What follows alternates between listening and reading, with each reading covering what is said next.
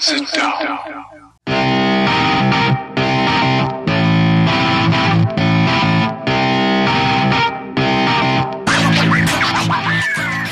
Witam wszystkich i każdego z osobna. Ja jestem Robert Kochan, a to jest Kochana NBA, najbardziej nieobiektywny podcast o najlepszej koszykarskiej lidze świata.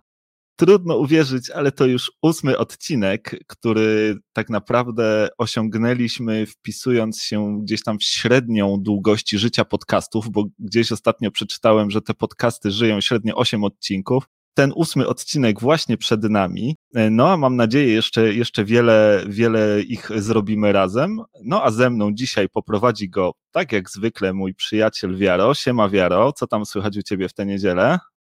Siema Robert. Y, no tak, mam nadzieję ja również, że będzie ich jeszcze bardzo, bardzo dużo. No niedziela troszkę smutna, wiadomo, 1 listopada, e, dzień mm, myślę, że dla wszystkich troszkę szczególny, ale biorąc to pod uwagę tutaj tematykę naszego podcastu, może wspomnę tylko, że dla mnie to jest w tym roku na pewno dzień wyjątkowy, mm, taki dzień pamięci dla Kobiego Bryanta, także spoczywaj w pokoju Kobi, pamiętamy o Tobie i dzięki za wszystko.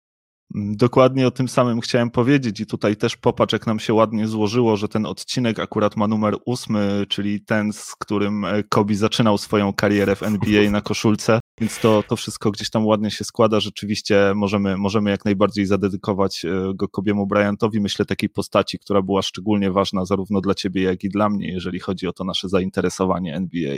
No, bez dwóch zdań. Jeden z moich ukochanych zawodników, ulubionych zawodników, e, nie tylko ze względu na to, co robił na boisku, ale też oczywiście ze względu na Mamba Mentality. E, no i na pewno wielki nauczyciel, od, który, od którego myślę nie jeden z fanów e, NBA wiele, wiele się nauczył, po prostu obserwując jego karierę i, i, i śledząc jego wyczyny w NBA.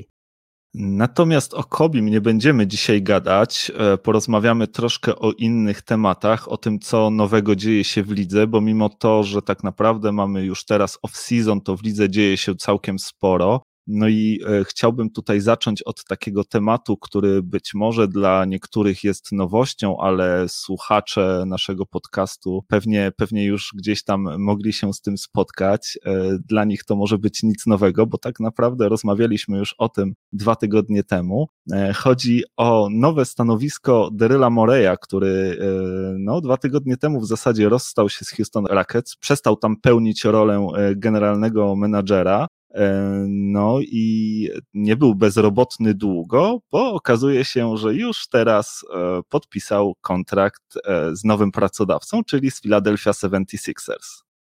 No dokładnie. Jak widać, szalony alchemik NBA mm, długo na oferty nie czekał, e, a przede wszystkim bardzo ciekawe jest to, do jakiego zespołu go zatrudnili. No, Philadelphia 76ers. Zobacz, jaki on tam ma potencjał do tego, żeby uprawiać tą swoją magię, tak? To jest gość, który, który na rynku transferowym i na rynku, na rynku, podczas draftu naprawdę potrafi się popisać. W drafcie znajduje zawodników e, bardzo cennych na dalekich pozycjach, jak choćby Clint Capella. Potrafi wynajdywać takie diamenty gdzieś w drafcie. No a w mm, transferach, no to jest jeden z większych cwaniaków, tak jak już wspominaliśmy o tym. No i zobacz teraz to, co on ma u siebie w drużynie, tak? Cztery wielkie kontrakty, czterech zawodników, których y, tak naprawdę pewnie nie jedna drużyna w NBA chętnie by widziała u siebie. Mm, no i dużo, dużo bardzo możliwości na to, żeby właśnie coś tutaj zamieszać. No na pewno będzie musiał trochę zamieszać, bo w tej Filadelfii sytuacja łatwa nie jest. E, czterech zawodników na wysokich kontraktach. Ty mówisz, że połowa NBA będzie chętna, żeby, żeby tych zawodników wziąć. Ja tego taki pewien nie jestem, e, zwłaszcza w przypadku jednego z tych kontraktów. Na pewno Daryl będzie musiał e, coś tam poczarować. Mm, no jest znany z tego, że, że, że umie to robić, że potrafi wymieniać zawodników zawodników. E, jak w ogóle myślisz, e, dla kogo to przyjście Daryla Moreya do drużyny to dobra wiadomość, a dla kogo niekoniecznie? Ja myślę, że dobra wiadomość przede wszystkim dla fanów 76ers, ale dla zawodników, którzy grają w tym klubie, no to już niekoniecznie. Ja bym się naprawdę nie zdziwił, gdyby on wytradował któregokolwiek z, z tych czterech zawodników. Ani, ani Bob Simmons, ani Joel Embiid moim zdaniem nie powinni czuć się pewni. Daryl Morey to jest gość, który jest jak najbardziej skłonny do tego, żeby podejmować ryzykowne ruchy, żeby grać wysoko, żeby wchodzić w bank w dane sytuacje. Mm, myślę, że tak to widzi teraz też w Filadelfii. Myślę, że będzie chciał spróbować albo z Bobem Simonsem, albo z Joelem Embidem mm, wygrać pierścień w NBA i będzie próbował naokoło któregoś z tych zawodników, być może też dwóch, no wiadomo, że to jest szalony alchemik, niczego nie można wykluczyć, ale wydaje mi się, że raczej będzie chciał się budować naokoło jednego z tych zawodników, będzie pewnie razem w zmowie z Dokiem Riversem próbował wyobrazić sobie, jak taka drużyna mogłaby wyglądać którzy zawodnicy z ligi mogliby tu być najbardziej odpowiedni, no i będzie się starał do tych trade'ów doprowadzić. E, mówisz, że niekoniecznie będą chętni, szczególnie na jeden z tych kontraktów. Mówisz o Tobiasie Czy mówisz o Alu Harfordzie? E, zdecydowanie o Tobiasie Harrisie i chciałem troszkę też nawiązać do tego, co ty powiedziałeś, bo mnie z kolei wydaje się, że właśnie trzy osoby mogą być spokojne. Dwie, czyli Ben Simmons i, i Joel Embiid ze względu na to, że, że jednak są gwiazdami tej drużyny, że jednak są all-starami i wydaje mi się, że przynajmniej w tym pierwszym roku Daryl będzie chciał zobaczyć, czy, czy uda mu się zbudować drużynę wokół nich, więc oni raczej e, mogą spać spokojnie. Na trzecim tego typu zawodnikiem jest e, właśnie Tobias Harris, e, a on może spać spokojnie z tego względu, że nikt po prostu na ten jego wielki, ogromny, długoletni kontrakt nie jest chętny i będzie go bardzo trudno wytradować. Natomiast wydaje mi się, że właśnie zarówno Al Horford, jak i e, Richardson są jak najbardziej do wymiany. E, Al Horford ma tą jakby jeszcze przewagę jego kontrakt ma może tą łatwość w wytradowaniu, że mm, ostatni rok jest tylko częściowo gwarantowany. Tam bodajże Al Horford w tym ostatnim roku ma tylko 14 milionów gwarantowane z całego kontraktu, więc dużo łatwiej będzie się e, tego właśnie kontraktu Horforda pozbyć. No, troszkę się tutaj z tobą muszę nie zgodzić. To znaczy, ja uważam, że akurat Tobias Harris, owszem, kontrakt ma fatalny, ale nie ma czegoś takiego jak kontrakt, na którego nie ma chętnych w NBA. To, to myślę, że Joe Johnson już wielokrotnie nam to powinien udowodnić i, i powinniśmy pamiętać ten jego kontrakt, który też wszyscy mówili o tym, że jest untradable e, i nie, nikt się chętny na to nie znajdzie i nikt tego kontraktu nie weźmie, a był tradowany chyba dwa albo trzy nawet razy z tym kontraktem jeszcze, więc mm, nie takie rzeczy NBA już widziało, e, jak ten kontrakt Tobiasa Harrisa, aczkolwiek oczywiście masz rację, że on jest potworny i, i, i na, pewno, na pewno nie będzie łatwo tego kontraktu przepchnąć, no ale to jest Daryl Morey, to jest gość, który potrafi moim zdaniem przepchnąć wszystko, to jest gość, który pewnie sprzedałby lud Eskimosom, gdyby go o to poprosić, mm, więc y, no ja bym tutaj nie był pewny y, czegokolwiek, wydaje mi się, że właśnie każdy z tych zawodników może zostać wytradowany, ale też upatruję jakby tego najbardziej łakomego kąska w Horfordzie. Myślę, że to jest najbardziej łakomy kąsek ze względu między innymi na kontrakt, który, który opisałeś, ale też na to, jaki to jest typ zawodnika, bo owszem, może już nie jest y, to zawodnik najmłodszy, możliwe, że już jest zdecydowanie za tym swoim prime time'em, już zbliża się raczej ku końcowi swojej kariery, ale no to jest wielki profesjonalista też. To jest taki weteran, który w niejednej szatni się przyda, szczególnie w młodych szatniach, które, no nie wiem, wyobraź sobie na przykład w takim Denver, tak? Mamy e, Pola Millsapa, który gdzieś tam już ucieka, ale Horford można byłoby powiedzieć, że jest idealnym takim jego następcą, który też przez rok czy dwa jeszcze mógłby pełnić tą rolę mm, w tym zespole, a e, jako właśnie taki zawodnik, no świetny wciąż wielki profesjonalista, taki świetny kolega z szatni, e, to są, to są jednak walory, które w NBA się ceni i myślę, że nie jedna drużyna się tutaj chętnie na niego zapatruje. E, dlatego właśnie wydaje mi się, że, że Horford jest tutaj bardziej prawdopodobnym elementem transferowym. To, co też przemawia na korzyść Tobiasa Harrisa, to to, że Doc Rivers został trenerem drużyny Sixers, a akurat Tobias Harris pod Dociem Riversem w Clippersach grał swój najlepszy sezon. To właśnie wtedy został All-Starem. No to właśnie wtedy robił e, swoje, swoje najlepsze numery i być może właśnie Daryl Morey będzie chciał sprawdzić, jak ten Tobias Harris pod tym Dociem Riversem będzie się zachowywał. No to na pewno przemawia na jego, na jego korzyść i to mm, wielu jakby analityków amerykańskich zwraca właśnie na ten fakt uwagę. Mm, no ale z drugiej strony Tobias Harris jest też takim zawodnikiem, no, ja myślę, że on tym All-Starem to trochę, trochę na wyrost został wtedy. Na mm, zachodzie. Tak. To nie jest tak na wyrost do końca. No ale jeden taki sezon zagrał tylko, tak? Nigdy więcej tego nie powtórzył. Nie... Dobry to jest zawodnik. Nie można mu tego odmówić i ja myślę, że też e, z racji tego, że no dużo, dużo młodszy od Ala Harforda, Horforda, przepraszam, mm, no to będzie też łakomym kąskiem. No to jest jednak taki gość, który wiesz, nie wiem, koło takiego Devina Bookera mógłby stanowić całkiem fajną drugą opcję na przykład, nie? Tam chyba Ayton stanowi drugą opcję, więc pewnie poza tym nie wiem, czy drużyna, w której Tobias Harris stanowi drugą opcję, to jest to drużyna, która może na cokolwiek liczyć więcej, a zwłaszcza w zachodniej konferencji. Wydaje mi się, że, że taki to Tobias jest... Harris jest dobrą trzecią opcją, ale jako twoja druga opcja, no to, to nie wróży to za dobrze twojej drużynie. No to jest na pewno mm, solidny argument, wiesz, no ja yy, dziwnie się w ogóle czuję broniąc Tobiasa Harrisa, bo to ja zawsze się z niego wyśmiewałem w naszych rozmowach, a szczególnie jak w Clipsach grał yy, i, i naprawdę grał ten swój najlepszy sezon i wszyscy go tak właśnie mm, doceniali, ja, ja powtarzałem, że no to, to nie jest zawodnik tego, tego kalibru, a teraz, teraz y, go bronię w naszych rozmowach, jak to, jak to czasem mm, zawrotnie się e, losy naszych rozmów toczą, tak jak mówię, no to jest jednak młody zawodnik z potencjałem All-Stara. Nie? To nie jedna drużyna pewnie na wschodzie mm, chciałaby takiego zawodnika, żeby, żeby troszeczkę e, sobie te, te, te swoje standingsy podbudować, żeby zapewnić trochę mm, rozrywki fanom, żeby przyciągnąć trochę ludzi do, do hal. Chociaż z drugiej strony, jak pokazał Blake Griffin w Detroit, to tak naprawdę nie działa, więc no zobaczymy. Łatwo pewnie nie będzie tego Tobiasa Harrisa przepchnąć.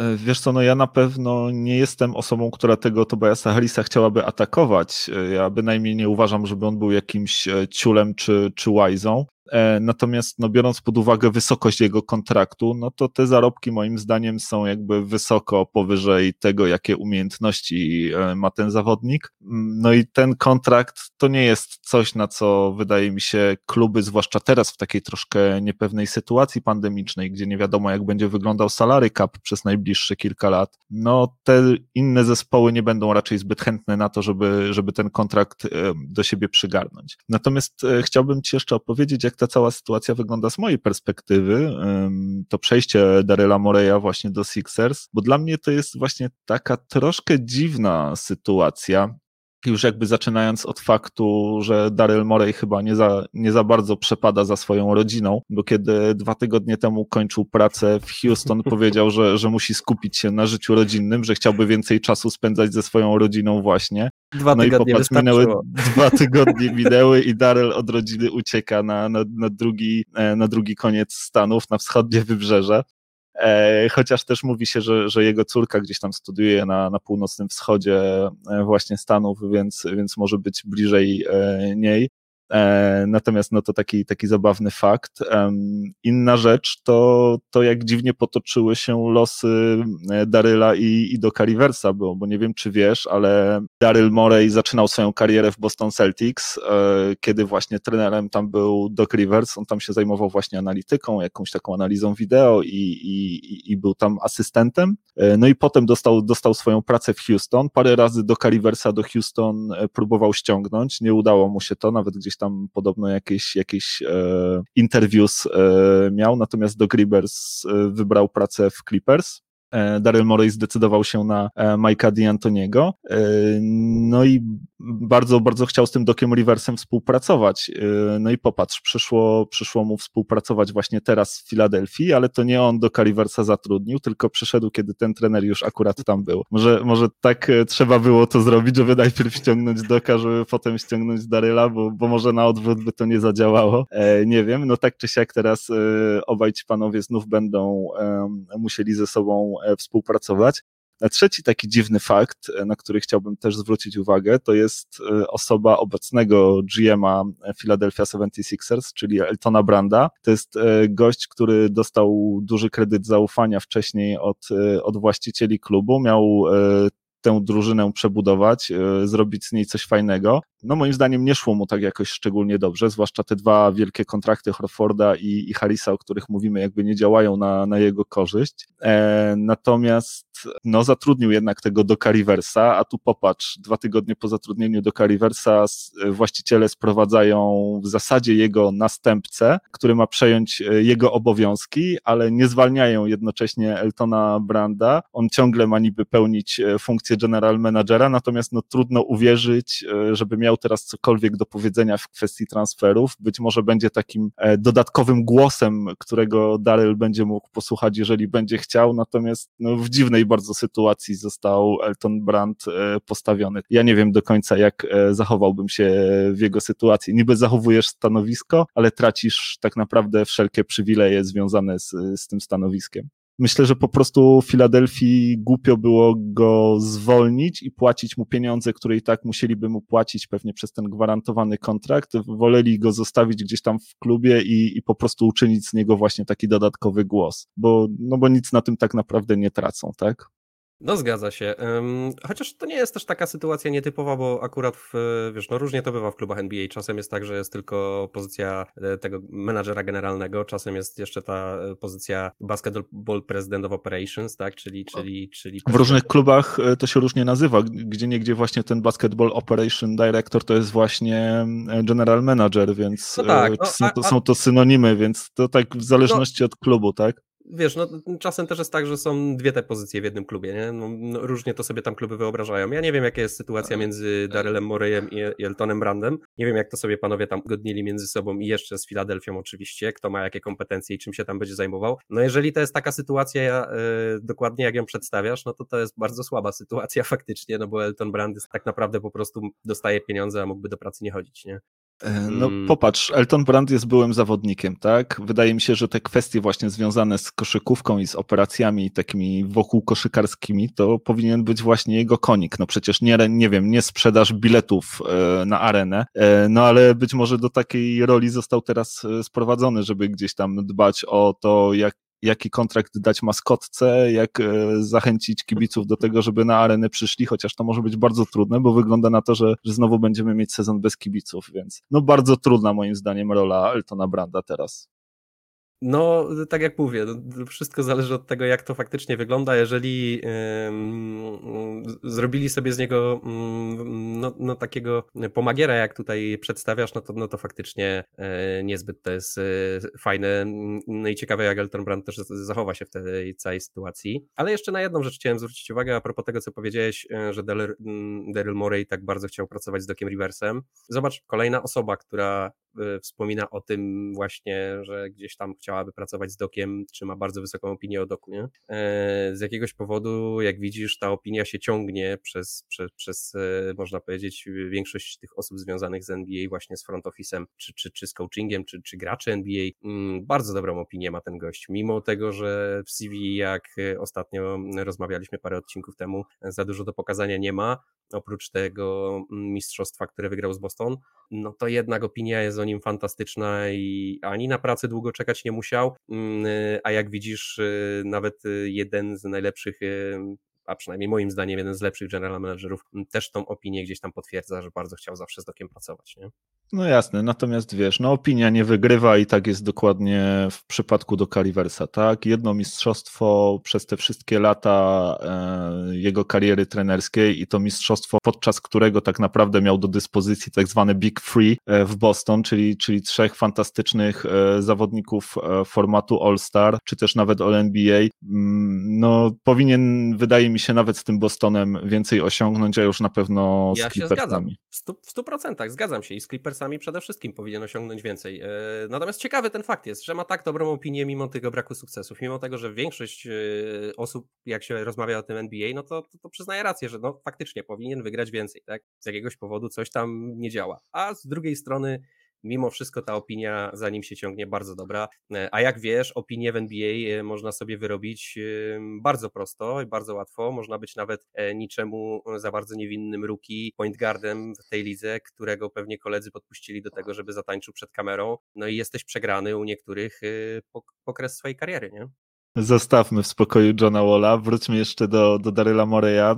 Dla mnie jest jeszcze tutaj taka jedna bardzo ciekawa rzecz, bo od 2007 e, roku, kiedy to bodajże Daryl e, został e, general managerem Houston Rockets, Houston Rockets przeprowadziło no, prawie najwięcej transferów właśnie od tego czasu. Zajmują drugie miejsce pod względem ilości transferów właśnie przeprowadzonych od 2007 roku. Wszystkie je Tak, za wszystkie je odpowiedzialny jest Daryl Morey, natomiast nie wiem, czy wiesz, kto zajmuje pierwsze miejsce na tej liście. A nie wiem, a poczekaj. To podpowiem ci szybko, Filadelfia właśnie. E, to są, tak, no to przecież te, te czasy tak naprawdę no całego tak. procesu, kiedy oni draftowali, tradowali, draftowali, tradowali, więc tutaj właśnie Daryl przynosi się z drużyny drugiej pod względem ilości transferów do pierwszej pod względem ilości transferów i wydaje się, że, że ten, tę liczbę transferów właśnie jeszcze dodatkowo zwiększy, więc to taka jakby e, dodatkowa ciekawostka. E, I mówisz, że kto twoim zdaniem e, pierwszy z tej drużyny poleci? Jak to może przejdzie do nich? Jak masz jakąś tutaj wizję? Kogoś, kogoś byś widział w Filadelfii albo, albo widzisz jakiś taki możliwy trade, którego Daryl mógłby dokonać? Akurat jeżeli chodzi o możliwe trady Daryla, to bardzo ciężko przewidywać, bo to jest gość, tak jak już wspomniałem, skłonny do wszystkiego. Ja bym się nie zdziwił, gdyby któregokolwiek z tych zawodników wytradował, ale wydaje mi się, że pierwszy jednak poleci Horford. Wydaje mi się, że to jest taki najbardziej bezpieczny też ruch z jego strony. Wiesz, pewnie nie będzie chciał Daryl Morey, tak jak mówisz, w pierwszym sezonie tak od razu szaleć mm, i wymieniać całego tego składu i robić jakichś wielkich rewolucji. Pewnie będzie chciał po prostu pozostawić jakiś taki swój ślad na tej drużynie, jak dokonać jakichś drobnych zmian i zobaczyć, co do Clippers jest w stanie z tego wyciągnąć. Nie? E, no ja jestem podobnego zdania, że to właśnie Horford e, pierwszy pójdzie, pewnie razem z Richardsonem, bo, bo ten kontrakt e, Richardsona jest expiring, jest, jest taki dosyć atrakcyjny, a to jest jednak zawodnik, który potrafi grać, potrafi bronić. Ja bym się spodziewał, że tutaj właśnie dojdzie do wymiany na przykład z Sacramento Kings, którzy mają na kontrakcie Bady'ego Hilda, tam jest ta sytuacja z Badym Hildem bardzo dziwna, bardzo trudna, taka nietypowa.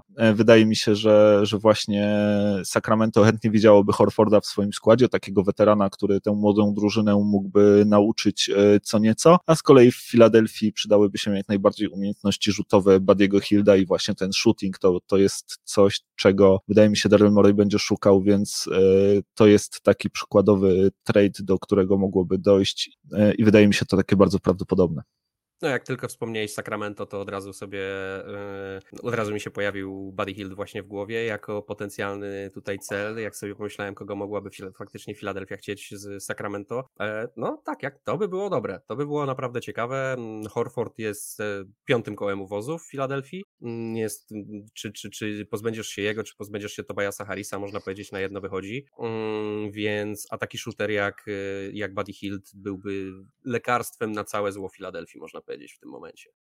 Tak mi się właśnie wydaje. No dobra, zostawmy Filadelfię i zostawmy też Daryla Moreya, bo, bo jego zatrudnienie to nie jest jedyne mm, zatrudnienie, z jakim mieliśmy do czynienia w ostatnim tygodniu. Oprócz niego e, pracę znalazło trzech trenerów, e, dwóch w roli jakby głównego trenera i jeden w roli asystenta. E... No, czy na pewno? Czy na pewno asystenta, no wiesz, podobno w Brooklyn Nets wszyscy są head coachami, więc... Zależy od e, więc, dnia.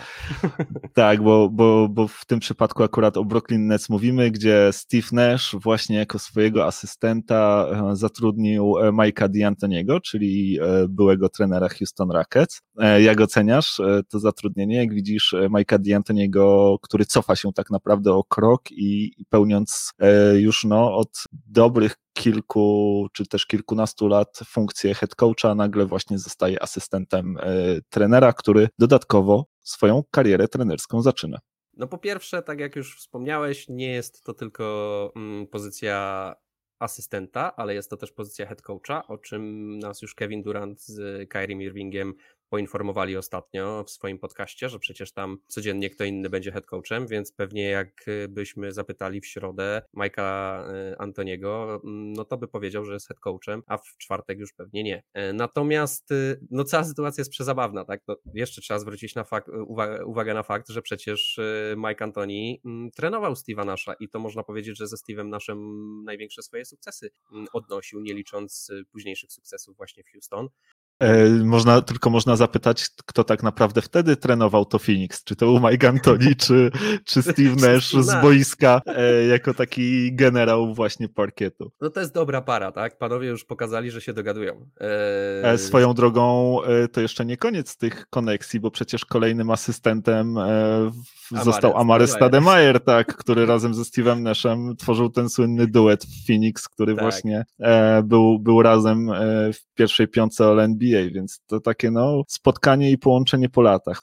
Dokładnie tak. To bardzo ciekawe jest, bardzo śmieszne, bardzo zabawne mm, dla fanów NBA na pewno, że, że, że, po latach oglądamy znowu ten sam tercet, tylko w zupełnie innym wydaniu. E, zobaczymy, co się w tym Brooklyn stanie. No potencjał to ma ogromny. No ci goście się naprawdę świetnie dogadywali, grali ze sobą fantastycznie. Jeżeli by nauczyli tych sztuczek, no wiesz, jakbyś tak porównał, no to Kyrie Irving mógłby udawać Steve'a Nasha, tak? Pod kątem y, wchodzenia pod kosz, y, kiwania, dryblowania, niczym mu nie ustępuje, oczywiście podaniami mu pewnie nigdy nie dorówna, ale myślę, że dużo tego, dużo tego widzenia boiska i dużo tej, tej jakiejś takiej wizji podawania mm, i obsługiwania kolegów Steve Nash mógłby mu przekazać. No a Kevin Durant to może być turbo Amare Stadomajer, nie? To po prostu może być Amare na totalnych sterydach, jeżeli oczywiście wróci po kontuzji e, zdrowy i, i, i wróci do formy, którą prezentował w Golden State czy wcześniej w OKC, no to, to może być bestia. Jeżeli by grali ze sobą pick and roll na takiej samej zasadzie, na jakiej Steve Nash kiedyś grał z Amary Stoudemire'em, byłoby to tak samo dynamiczne i nieprzewidywalne i też by stosowali taki szybki atak, jak y, tamte drużyny wtedy,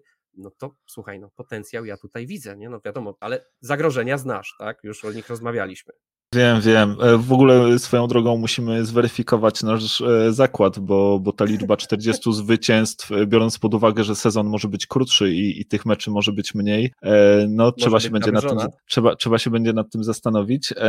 Natomiast nie uważam, żeby do końca to twoje porównanie było trafne, bo o ile gdzieś tam jestem w stanie dojrzeć to podobieństwo między Kylie Irvingiem i, i Steve'em Nashem, chociaż no nie do końca, bo patrząc na skuteczności Kyriego Irvinga i, i to, jak grał Steve Nash, e, który no, mimo wszystko regularnie gdzieś tam meldował się w klubie Larego Berda, czyli, czyli w tej 50% z pola, 40% za 3 i 90% z osobistych, to Kyrie raczej e, no, te skuteczności jego nie są aż, aż takie dobre, e, a też porównanie Kevina Duranta z Amare Stademajerem też nie do końca moim zdaniem trafne. Amare to jednak taki no, typowy power forward, bardzo atletyczny, który też potrafił coś tam rzucić, natomiast no, Kevin Durant jest e, obrońcą, gardem e, włożonym w ciało siedmiostopowe, Słuchaj, tak? Wejdę ci to słowo, bo źle mnie zrozumiałeś. Ja nie porównuję tych zawodników na zasadzie takiej, że Amare Stademajer to jest zawodnik, który przypomina stylem gry Kevina Duranta. Nie o to mi zupełnie chodzi chodzi. Chodzi mi o to, że jak popatrzysz na to, jak Phoenix grało, w jaki sposób grało w kosza Phoenix w tamtych mhm. czasach, prowadzone przez Mike'a Antoniego, to teraz podmień sobie zamiast Steve'a Nasha, Kyriego Irvinga,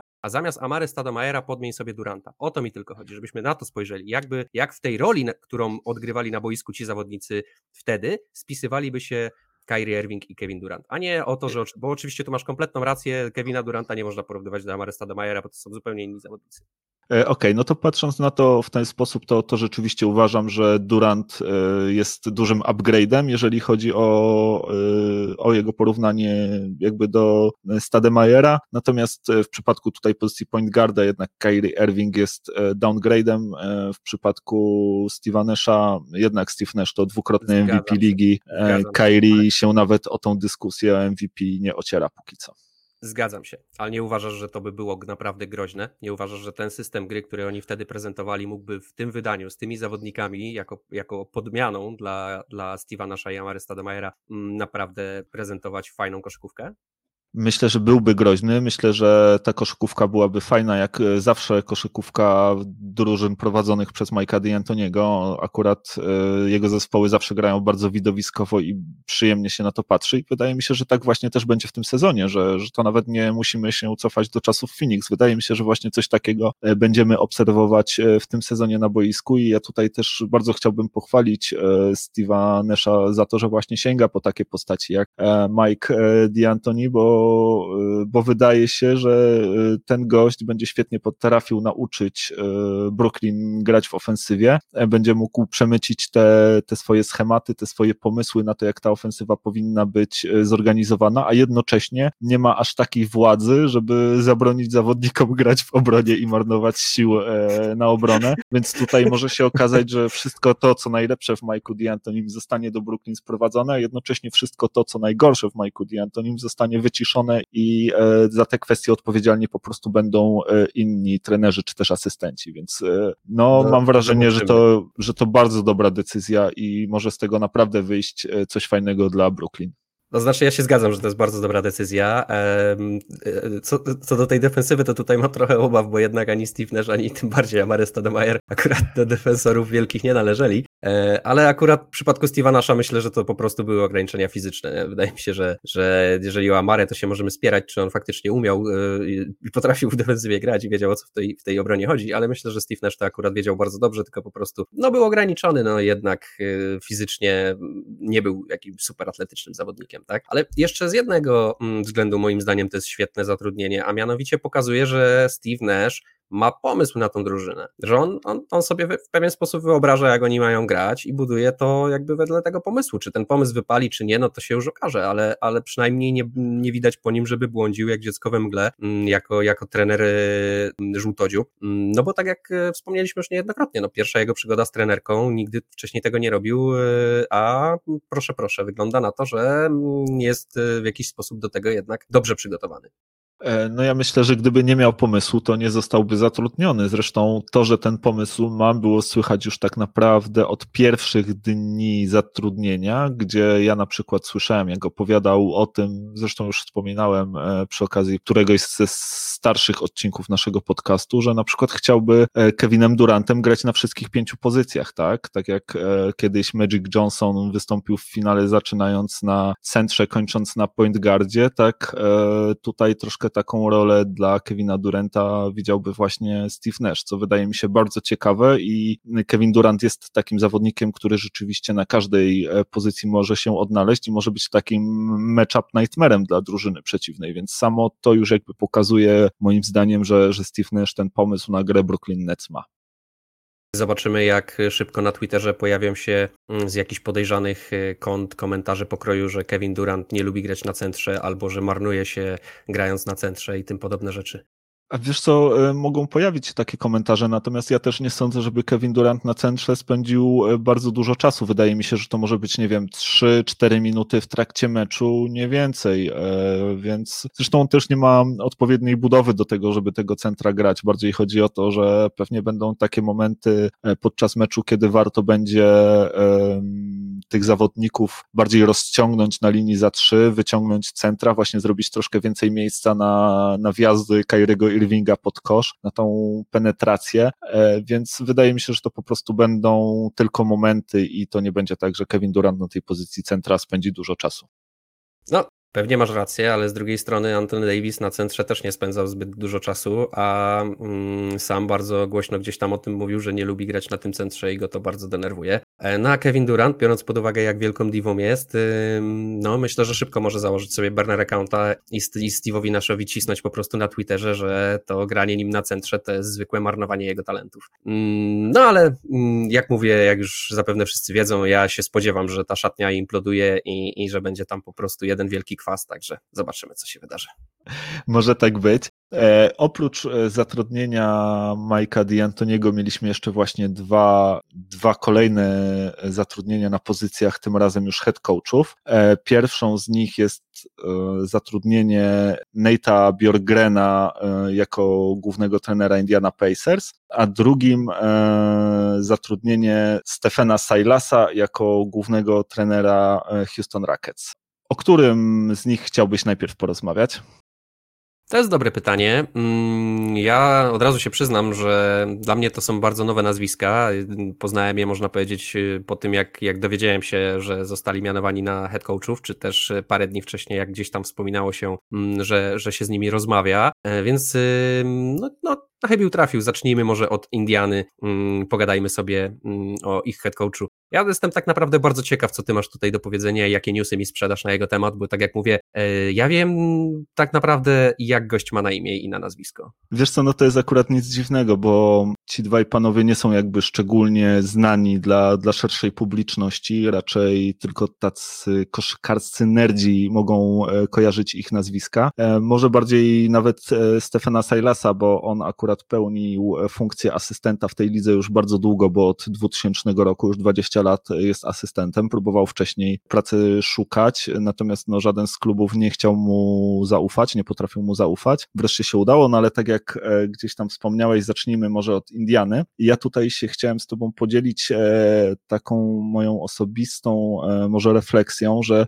to jest chyba najlepsze zatrudnienie trenerskie moim zdaniem w tym off-seasonie.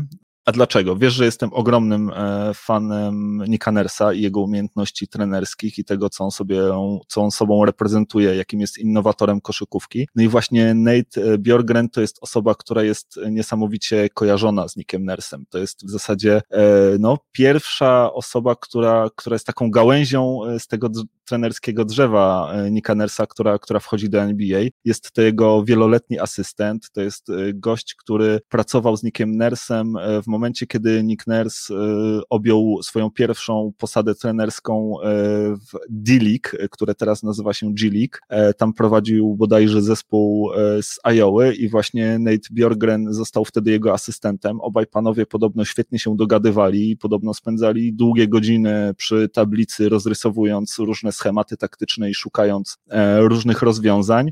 Kiedy Nate Bjorgren dorósł pod Nickiem Nersem na tyle, że, że zaczął mieć ambicje tego, żeby swój własny zespół poprowadzić, to dostał propozycję właśnie pracy głównego trenera w innym zespole D-League i po dwóch sezonach bodajże obaj panowie spotkali się w finale, gdzie grali przeciwko sobie. Tam też, tam też właśnie Nick Nurse został dostrzeżony przez Toronto Raptors, które zatrudniło go w roli pierwszego szkoleniowca po tym, jak zwolnili e, Dwayna Casey'a. No i właśnie Nick Nurse e, zażyczył sobie, żeby jego asystentem był właśnie Nate Bjorgren i, i razem poprowadzili e, Toronto Raptors do mistrzostwa, tak?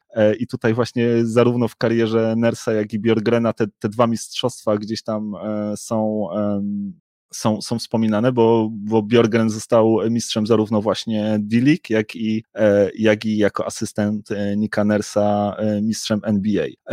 No i to jest właśnie tego typu trener, to jest wydaje mi się taki troszkę klon Nersa, zresztą to jak on się wypowiadał, kiedy przejął główną rolę trenerską w Indianie, jak chciałby, żeby ten zespół grał, no to to jest dokładnie to, jak, jak w jaki sposób gra Nick Nurse, to znaczy on nie chce, żeby ten zespół wpisywał się w jakiekolwiek schematy, cały czas stawia na tak zwany fluid offense i fluid defense. On nie chce, żeby był jeden system defensywy, chciałby, żeby ta defensywa zmieniała się, nie wiem, co chwilę, żeby ona była płynna, żeby przez y, dwie akcje bronili inaczej, a kiedy na przykład wychodzą na prowadzenie, zaczęli bronić zupełnie inaczej, po czym po trzech akcjach znowu zmienili system gry w obronie na inny. I tak samo chciałby, żeby, żeby to e, się działo z ofensywą. I z tego, co przynajmniej słyszałem, władze Indiany po wywiadzie właśnie, po, po tych rozmowach takich kwalifikacyjnych e, z, Nate, z Nate'em Bjorgrenem były tak zachwycone tym gościem, że po prostu skreśliły wszystkich innych kandydatów i stwierdziły, tak, to jest właśnie ten facet, którego my chcemy, to jest ten gość, który, który ma dyrygować e, naszą drużyną. Nate Bjorgren też fajnie podkreśla właśnie skąd się wzięła ten, ta jego potrzeba tego, tego fluid offense, fluid defense, co też bardzo fajnie wpisuje się być może w to, z czym będziemy mieć do czynienia w przyszłym sezonie, bo, bo nie będziemy mieć prawdopodobnie NBA bubble, co oznacza, że zawodnicy mogą wypadać ze względu na zachorowania związane z koronawirusem. I on właśnie mówił, że podobnie było, kiedy trenował drużynę w D-League, że tam ci zawodnicy nie mogłeś liczyć na to, że będziesz miał tą samą piątkę każdego wieczoru, bo ci zawodnicy czasami byli powoływani po prostu do NBA na to, żeby być uzupełnieniem składu, przez co on e, dowiadywał się na wieczór wcześniej, że nie będzie mógł z części z nich skorzystać, dlatego starał się, żeby cała drużyna była mocno zaangażowana przez, przez właśnie cały czas, żeby wszyscy e, wiedzieli, że, że w każdym momencie mogą wejść do gry i że będą musieli zastąpić innych zawodników i że to jest też ten mindset, jaki, jaki on będzie widział w Indianie i wydaje mi się, że to może bardzo fajnie się sprawdzić, że to ma ogromną przyszłość i dam takie tutaj bold prediction, że nie zdziwiłbym się, gdybyśmy za dwa, trzy lata zobaczyli spotkanie Nika Nersa e, i Nate'a Bjorgrena w finale konferencji na wschodzie. Tak jak spotkaliście w finale e, D-League, tak samo, no nie mogą się spotkać w finale NBA, bo gram w tej samej konferencji, ale nie zdziwiłbym ale się, nie, nie zdziwiłbym się tak, gdyby, gdyby w tym finale konferencji się spotkali. No bardzo ciekawe to, co mówisz. Nie, nie miałem e, bladego pojęcia, że to jest e, ktoś z taką ciekawą historią. Mm, no brzmi to wszystko ekstremalnie optymistycznie. E, ja takim ekstremalnym optymistą w stosunku do, do tego trenera na pewno nie jestem, też ze względu na to, że też nie jestem takim wielkim fanem Nika Nersa jak ty. Oczywiście bardzo cenię tego trenera, ale wydaje mi się, że jest jeden ważny aspekt e, trenerki NBA, który jeszcze ten coach ma przed sobą i którego jeszcze nie liznął mm, za specjalnie, pomijając e, powiedzmy ten jeden sezon z Kawajem Lenardem, a mianowicie takie zarządzanie gwiazdami. Mm, Ale no mój bo... drogi, mówimy o Indianie. To, to z, no, z, tym nie okay. będziesz miał tam do czynienia, tam no nie masz właśnie, gwiazd w Indianie. to są dwie rzeczy, na które chcę zwrócić uwagę, że i Nick Nurse mm, i trener mm, Bjergren, tak? Tak, Bjorgren. I trener Bjorgren. Takie skandynawskie nazwisko by się wydawało, nie? Chociaż no. imię zupełnie skandynawskie nie jest. Zapewne, Nate to. Zapewne e, syn imigrantów jakiś, albo potomek. Mm, no ale tak czy inaczej, trener Bjorgren e, też będzie miał ten przypadek, że właśnie w Indianie być może będzie mu łatwiej, tak samo jak Nikowi Nersowi było łatwiej w Toronto, no bo to są specyficzne drużyny pod tym kątem. Tutaj wielkiego gwiazdorzenia w tych drużynach nie ma, ale wciąż, no to jest jednak zupełnie inna liga niż e, to, co mm, miał do tej pory. Toronto jest bardzo bardzo specyficznym zespołem, w którym specyficznie się trenuje, specyficznie się gra, mm, jednak to jest taki, taki outsider NBA-owski, jakby nie było z innego kraju. Tylko pod tym kątem oczywiście sportowo absolutnie tam nie odstają, nie uważam, żeby odstawali jakoś wielce, e, jakby nie było mistrzowie NBA i tego im odmówić nie można, oczywiście ja mogę uważać, że to było fuksiarskie z ich strony i tak dalej, ale no mistrzami są i tutaj dyskusji nie ma na ten temat. Tak? Natomiast wracając do, do, do moje, mojego braku optymizmu co do, co do tych coachów, no tak jak mówię, trenowanie gwiazd y, NBA to jest troszeczkę co innego. Trenowanie w NBA przeciwko tym gwiazdom to też nie jest e, łatwa rzecz. Owszem, Nikowi Nersowi to idzie całkiem nie najgorzej, no ale jak już nie ma Kawaja Lenarda, no to w playoffach już to tak różowo nie wygląda, mm, jak sam zauważyłeś. Czy mm, to się dalej uda? To jest bardzo ciekawy duet. Zobaczymy, co się będzie działo. Czy to różowo jednak... wygląda, czy nie, wiesz, no tu, tu jednak e, Toronto było bardzo bliskie tego, żeby w finałach konferencji się zameldować i, i tutaj aż e, no, w siódmym meczu tak naprawdę dopiero odpadli, więc... E... No ale konferencja, bo konferencja się cały czas rozwija, tak, i konkurencja nie śpi. Tutaj takie zespoły jak Boston czy Philadelphia na pewno będą chciały być dużo, dużo groźniejsze w tym sezonie, a mm, w Toronto nie ma za bardzo na co liczyć, mm, pomijając to, że nie wiem, Pascal Siakam skoczy na poziom wyżej, tak? E, no bo można powiedzieć, że z tych zawodników już Nick Nurse wyciągnął maksimum, które można z tych zawodników wyciągnąć, których tam ma. No ale... Dodatkowo może się okazać, że jeszcze stracą część swoich e, kluczowych graczy, takich jak na przykład, nie wiem, Gasol, który, który jest wolnym agentem, czy Van Fleet, który jest e, wolnym agentem, czy, czy Sergi Bak tak? To są wszyscy zawodnicy, którzy, z Toronto mogą odejść w tym sezonie, natomiast no nie zapominajmy, że jest tam ciągle za sterami Masai Ujiri, e, chyba najlepszy lub też jeden z najlepszych GM-ów e, w całej lidze, e, więc e, on też jest akurat e, znany z tego, że jest takim czarodziejem transferowym, więc e, możliwe, że Toronto będzie jeszcze na lepszej pozycji niż w tym sezonie, nie? To musimy poczekać. Jasne. E, odłóżmy sobie może dyskusję na temat Toronto na, na, na, jakiś kolejny odcinek, bo nie chciałbym tak e, tutaj ignorować tej Indiany, o której mieliśmy pogadać. Indiana ma moim zdaniem fajną, perspektywiczną, młodą drużynę, z której można coś wyciągnąć. Nie ma tam niestety gwiazd. Nie ma tam takich gwiazd z prawdziwego zdarzenia. Jest Victor Oladipo, który prawdopodobnie tej drużynie już e, dłużej grał nie będzie, bo ma podobno chrapkę bardzo mocną na to, żeby grać w Miami. A Miami, jak wiemy, też pewnie chętnie takiego zawodnika do siebie przyciągnęło. Więc zobaczymy będzie miał na pewno zawodników takich, którzy mogą go słuchać, takich właśnie zawodników, którzy nie mają zbyt wysokiego ego, nie mają jakichś e, ekstremalnych kontraktów, ekstremalnych zarobków. Mm, być może trener Björgren będzie miał posłuchu tych e, zawodników. No jeżeli tak będzie, to ten jego system, ten, który grają w Toronto, e, tak jak mówisz, to jest bardzo ciekawy system, taki, taki bardzo płynny mm, fluid offense, fluid defense. Mm, zobaczymy, jak to się spisze w Indianie.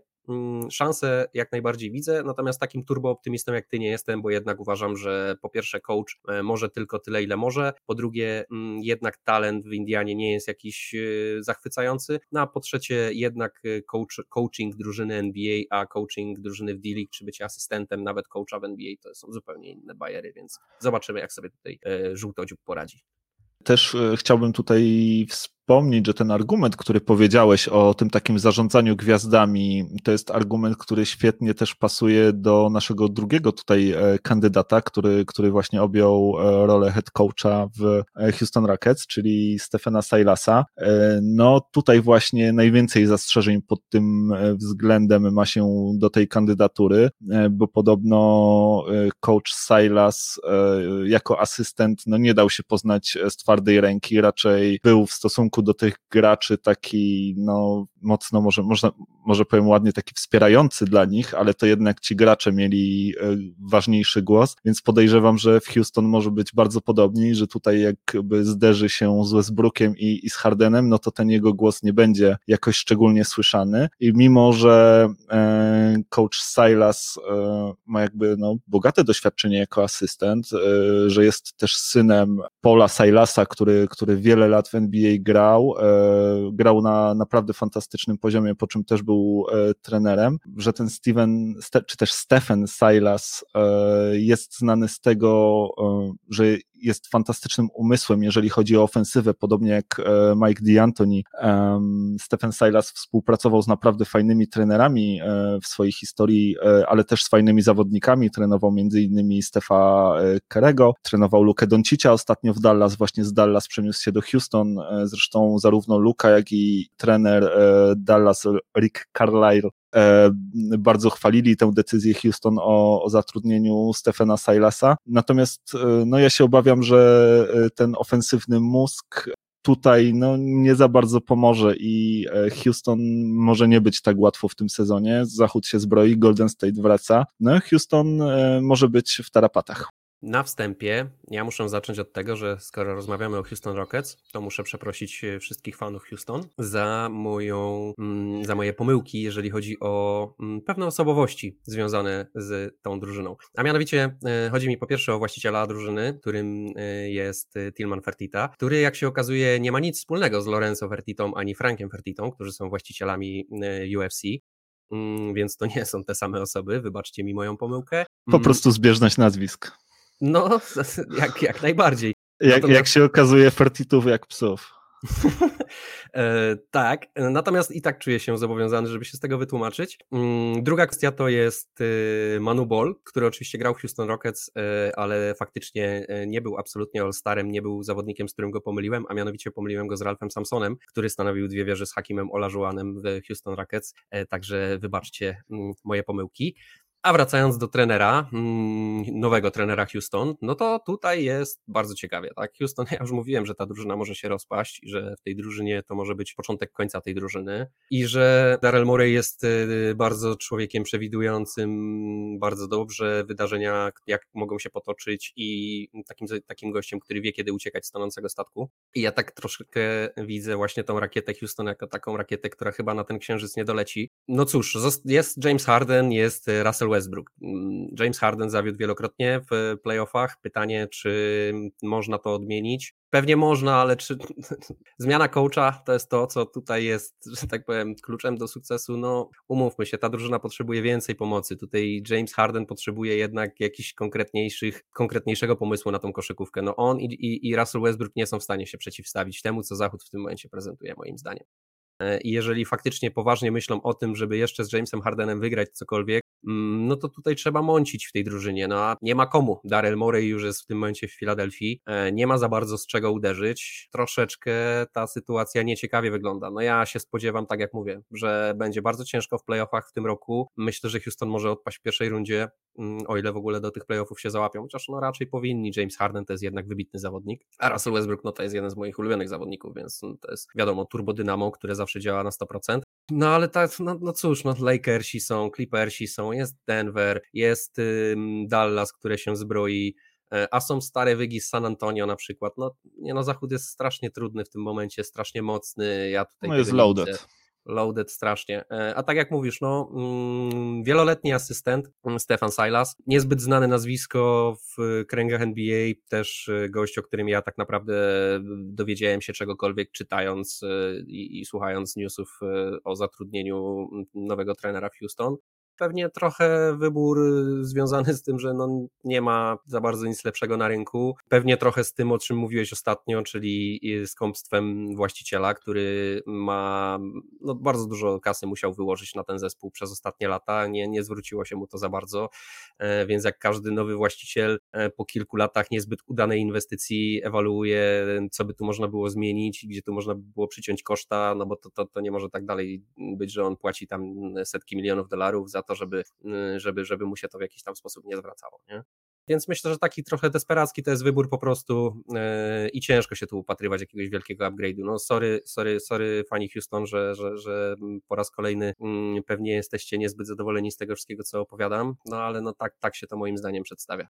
No jakby podsumowując, odniosę się właśnie do tego, co powiedziałeś, że, że moim zdaniem ten zespół z Houston nie ma do końca prawa mieć dużych ambicji, bo jak możesz chcieć e, osiągać najwyższe cele, jeżeli właśnie zachowujesz się w taki, no można to powiedzieć, trochę skąpy sposób. Jeżeli jednego z najlepszych general managerów zastępujesz asystentem, e, który nie ma żadnego doświadczenia w tym fachu, przynajmniej na, tym, na tej najwyższej pozycji, tylko po to, żeby płacić mu zdecydowanie mniej i jeżeli e, na trenera wybierasz gościa, który debiutuje w tym fachu też w roli właśnie głównego coacha, też tylko po to, żeby zaoferować mu tylko cztero, a nie pięcioletni kontrakt i, i ten kontrakt jeszcze za takie no naprawdę nie najwyższe jak na standardy NBA e, pieniądze, więc e, mówi się często, że tyle ile włożysz, tyle wyciągniesz, no to wydaje mi się, że, że Houston z tego wcale aż tak dużo nie wyciągnie, a e, Hardenowi zostały już bodajże tylko dwa lata do końca umowy, no i może się okazać, że jeszcze rok, e,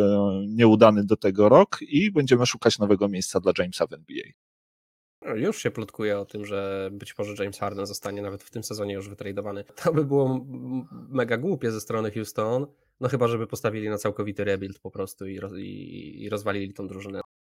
No, zobaczymy, jak to, jak to będzie e, się działo. Na pewno będziemy na ten temat jeszcze rozmawiać, e, w miarę jak sytuacja będzie się rozwijać. Natomiast chciałbym przejść teraz szybko, bo czas nam też e, gdzieś tam upływa, do ostatniego tematu, na jaki chciałem dzisiaj z Tobą porozmawiać, a mianowicie chodzi o sprzedaż jednego z zespołów NBA. Bo tak, pierwszy raz od dawna mamy transakcję, gdzie, gdzie zespół NBA zostaje sprzedany i mowa tutaj o Utah Jazz, które zostało bodajże w 80 1994 roku e, kupione przez e, rodzinę bodajże Millerów za 24 e, miliony dolarów. Dokładnie, no. Mhm. A teraz właśnie zostało, została drużyna sprzedana razem z halą za 1,6 biliona dolarów, co jest tak naprawdę całkiem fajną sumą, biorąc pod uwagę, że Utah Jazz jest jednym z najmniejszych marketów NBA. Tak, drużyna położona w mm, wysokich górach Salt Lake City. Można powiedzieć, że takie odludzie Ameryki. Mm, Kraina Mormonów. Tak, kraina Mormonów. Też drużyna z, można powiedzieć, chyba taką najbardziej, ja wiem, że to jest nie, nie fajne, ale, ale no trzeba nazywać rzeczy po imieniu, z taką najbardziej buracką, jakby to powiedzieć, fanbase, czyli taką bazą, fani po prostu tej drużyny to są, to są mm, no buraki zwykłe. Tak? No, no nie, nie, mają, nie, nie mają dobrej opinii w świecie. Oczywiście nie wszyscy, nie, nie, nie wrzucajmy wszystkich fanów Utah Jazz do jednego worka, ale no mają jak na drużynę NBA, to mają wyjątkowo dużo reprezentantów e, klubu idiotów, tak, w swoich szeregach. I tak jak mówisz, no, maleńka drużyna, można powiedzieć, e, a 1,6 biliona dolarów to ogrom kasy. E, można powiedzieć, że mm, jak Clippers zostawali sprzeda byli sprzedawani za 2, mm, ponad chyba 2,1, tak? Pamiętasz dokładną sumę? No, Wydaje coś, mi się, że to coś było dwóch, tak, Okrągłe tak, tak, dwa? Coś koło, coś, coś koło dwóch. Tak mi się wydaje, że to było dwa lub dwa dwa, ale, ale nie, nie pamiętam dokładnie. Coś koło dwóch bilionów dolarów to się mówiło, że, że mm, to jest e, ogrom kasy, jak na brzydkie, brzydkie kaczątko z Los Angeles. Natomiast tam mieliśmy do czynienia ze sprzedażą samej franczyzy, bez hali. Tutaj mamy do czynienia ze sprzedażą razem właśnie z e, całą tą wielką halą w mieście, tak? Więc to mhm. też należy, nie, nie do końca Dodatkowo. można to no, porównywać. ale wciąż, nie? Widać jak ten rynek rośnie, widać jak NBA się zbroi, widać jak bardzo mm, e, ta popularność NBA się prze, przekłada na kasę i jak ta mm, marketingowa machina NBA napędza to wszystko. E, oczywiście teraz mają troszeczkę problemów związanych z koronawirusem i, i niefortunnymi wypowiedziami e, Daryla Moreya, który kosztował ich, z tego co słyszałem, to nawet 500 milionów dolarów, jeżeli chodzi o przychody z praw telewizyjnych w Chinach.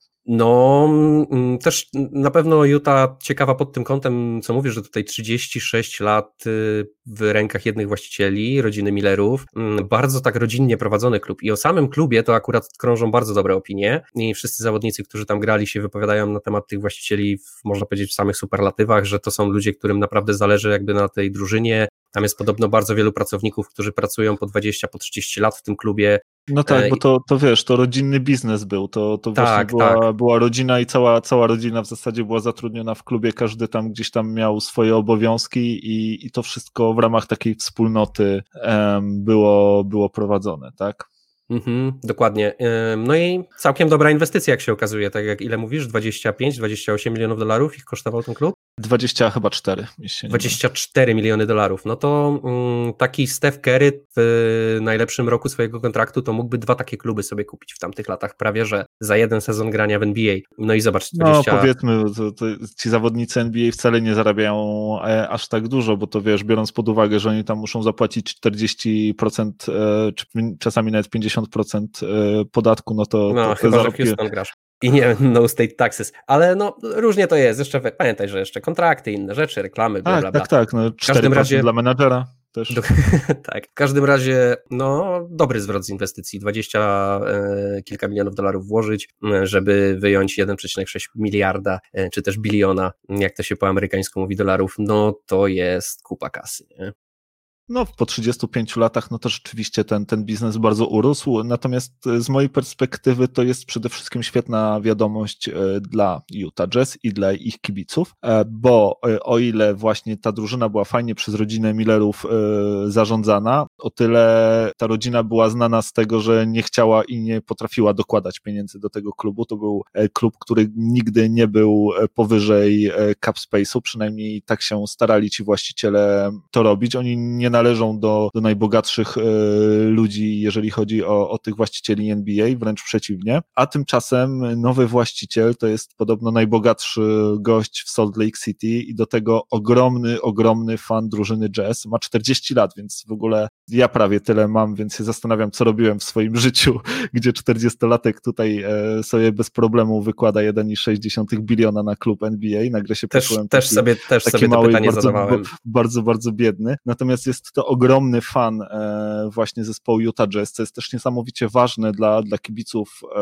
z Utah, bo oni gdzieś tam bali się, że kiedy ta drużyna zostanie sprzedana, to, to może się okazać, że ona trafi do innego miasta. Wiemy, że, że Seattle e, bardzo by chciało powrotu Supersonics, że, że jest parę miast, które ostrzy sobie zęby na to, żeby gościć u siebie franczyzę NBA, natomiast no, tutaj wydaje się, nie będziemy mieć z tym do czynienia. Nowy właściciel będzie chciał zatrzymać drużynę w Utah, do tego to jest gość, który ma w sobie niesamowicie dużo entuzjazmu, to jest taki, mówi się Steve Ballmer z Salt Lake City, więc może się okazać, że będzie chciał wyłożyć trochę więcej pieniędzy na tę drużynę, że, że będzie chciał zapłacić tym zawodnikom więcej, co też zachęci ich do tego, żeby do drużyny Utah e, dołączyli, albo też z niej nie odeszli, co będzie akurat bardzo ważne w najbliższych kilku latach, gdzie, gdzie trzeba będzie wyłożyć pieniądze na przedłużenie kontraktu Donavana Michela, na przedłużenie kontraktu Rudiego Goberta i, i właśnie przy okazji rodziny Millerów mówiło się, że, że raczej na przykład na Goberta nie będą chcieli wykładać tych pieniędzy, no bo nie będą chcieli wyjść ponad e, luxury tax, ponad e, cap space, no a tutaj może się okazać, że, że uda się te największe gwiazdy zatrzymać, a może też się uda sprowadzić kogoś jeszcze i, i wzmocnić te drużyny Utah, co może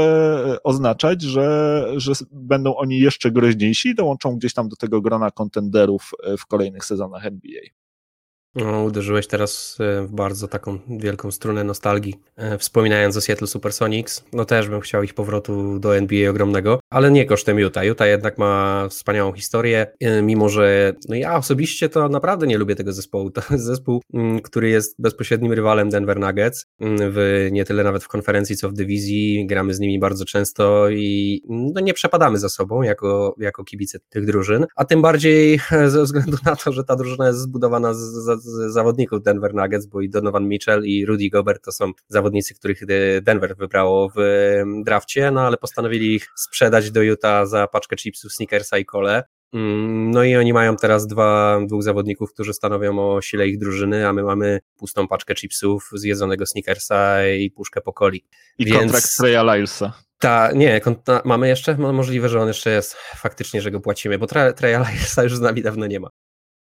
E, dobra, słuchaj, e, czas już nam dobiegł końca, więc tym optymistycznym akcentem może zakończymy dzisiejszy odcinek. Oczywiście zachęcamy Was do tego, żebyście pisali do nas w każdej sprawie na kontakt małpka.kochana.nba.pl. Dajcie nam znać, co myślicie, że będzie działo się w Filadelfii, e, jakie tam trady mogą się wydarzyć, jak Wy to widzicie. Dajcie e, nam znać, co myślicie o tych nowych zatrudnieniach trenerskich, zarówno w Indianie, jak i w Houston. E, no i oczywiście również e, o sprzedaży e, zespołu Utah Jazz. Czekamy na wszystkie Wasze wiadomości. Oczywiście zachęcamy też Was do tego, żebyście polubili nas na Facebooku. Tam też możecie pisać do nas w każdej sprawie. No a my usłyszymy się z Wami już pewnie za tydzień, gdzie przekroczymy tę średnią długość życia podcastów, czyli ośmiu odcinków i, i nagramy nasz dziewiąty i, i na to bardzo czekamy i zapraszamy Was, a tymczasem żegnamy się z Wami. Dokładnie tak. Za tydzień e, pokonujemy pierwszy krok milowy. Także do zobaczenia, do usłyszenia. Trzymajcie się ciepło.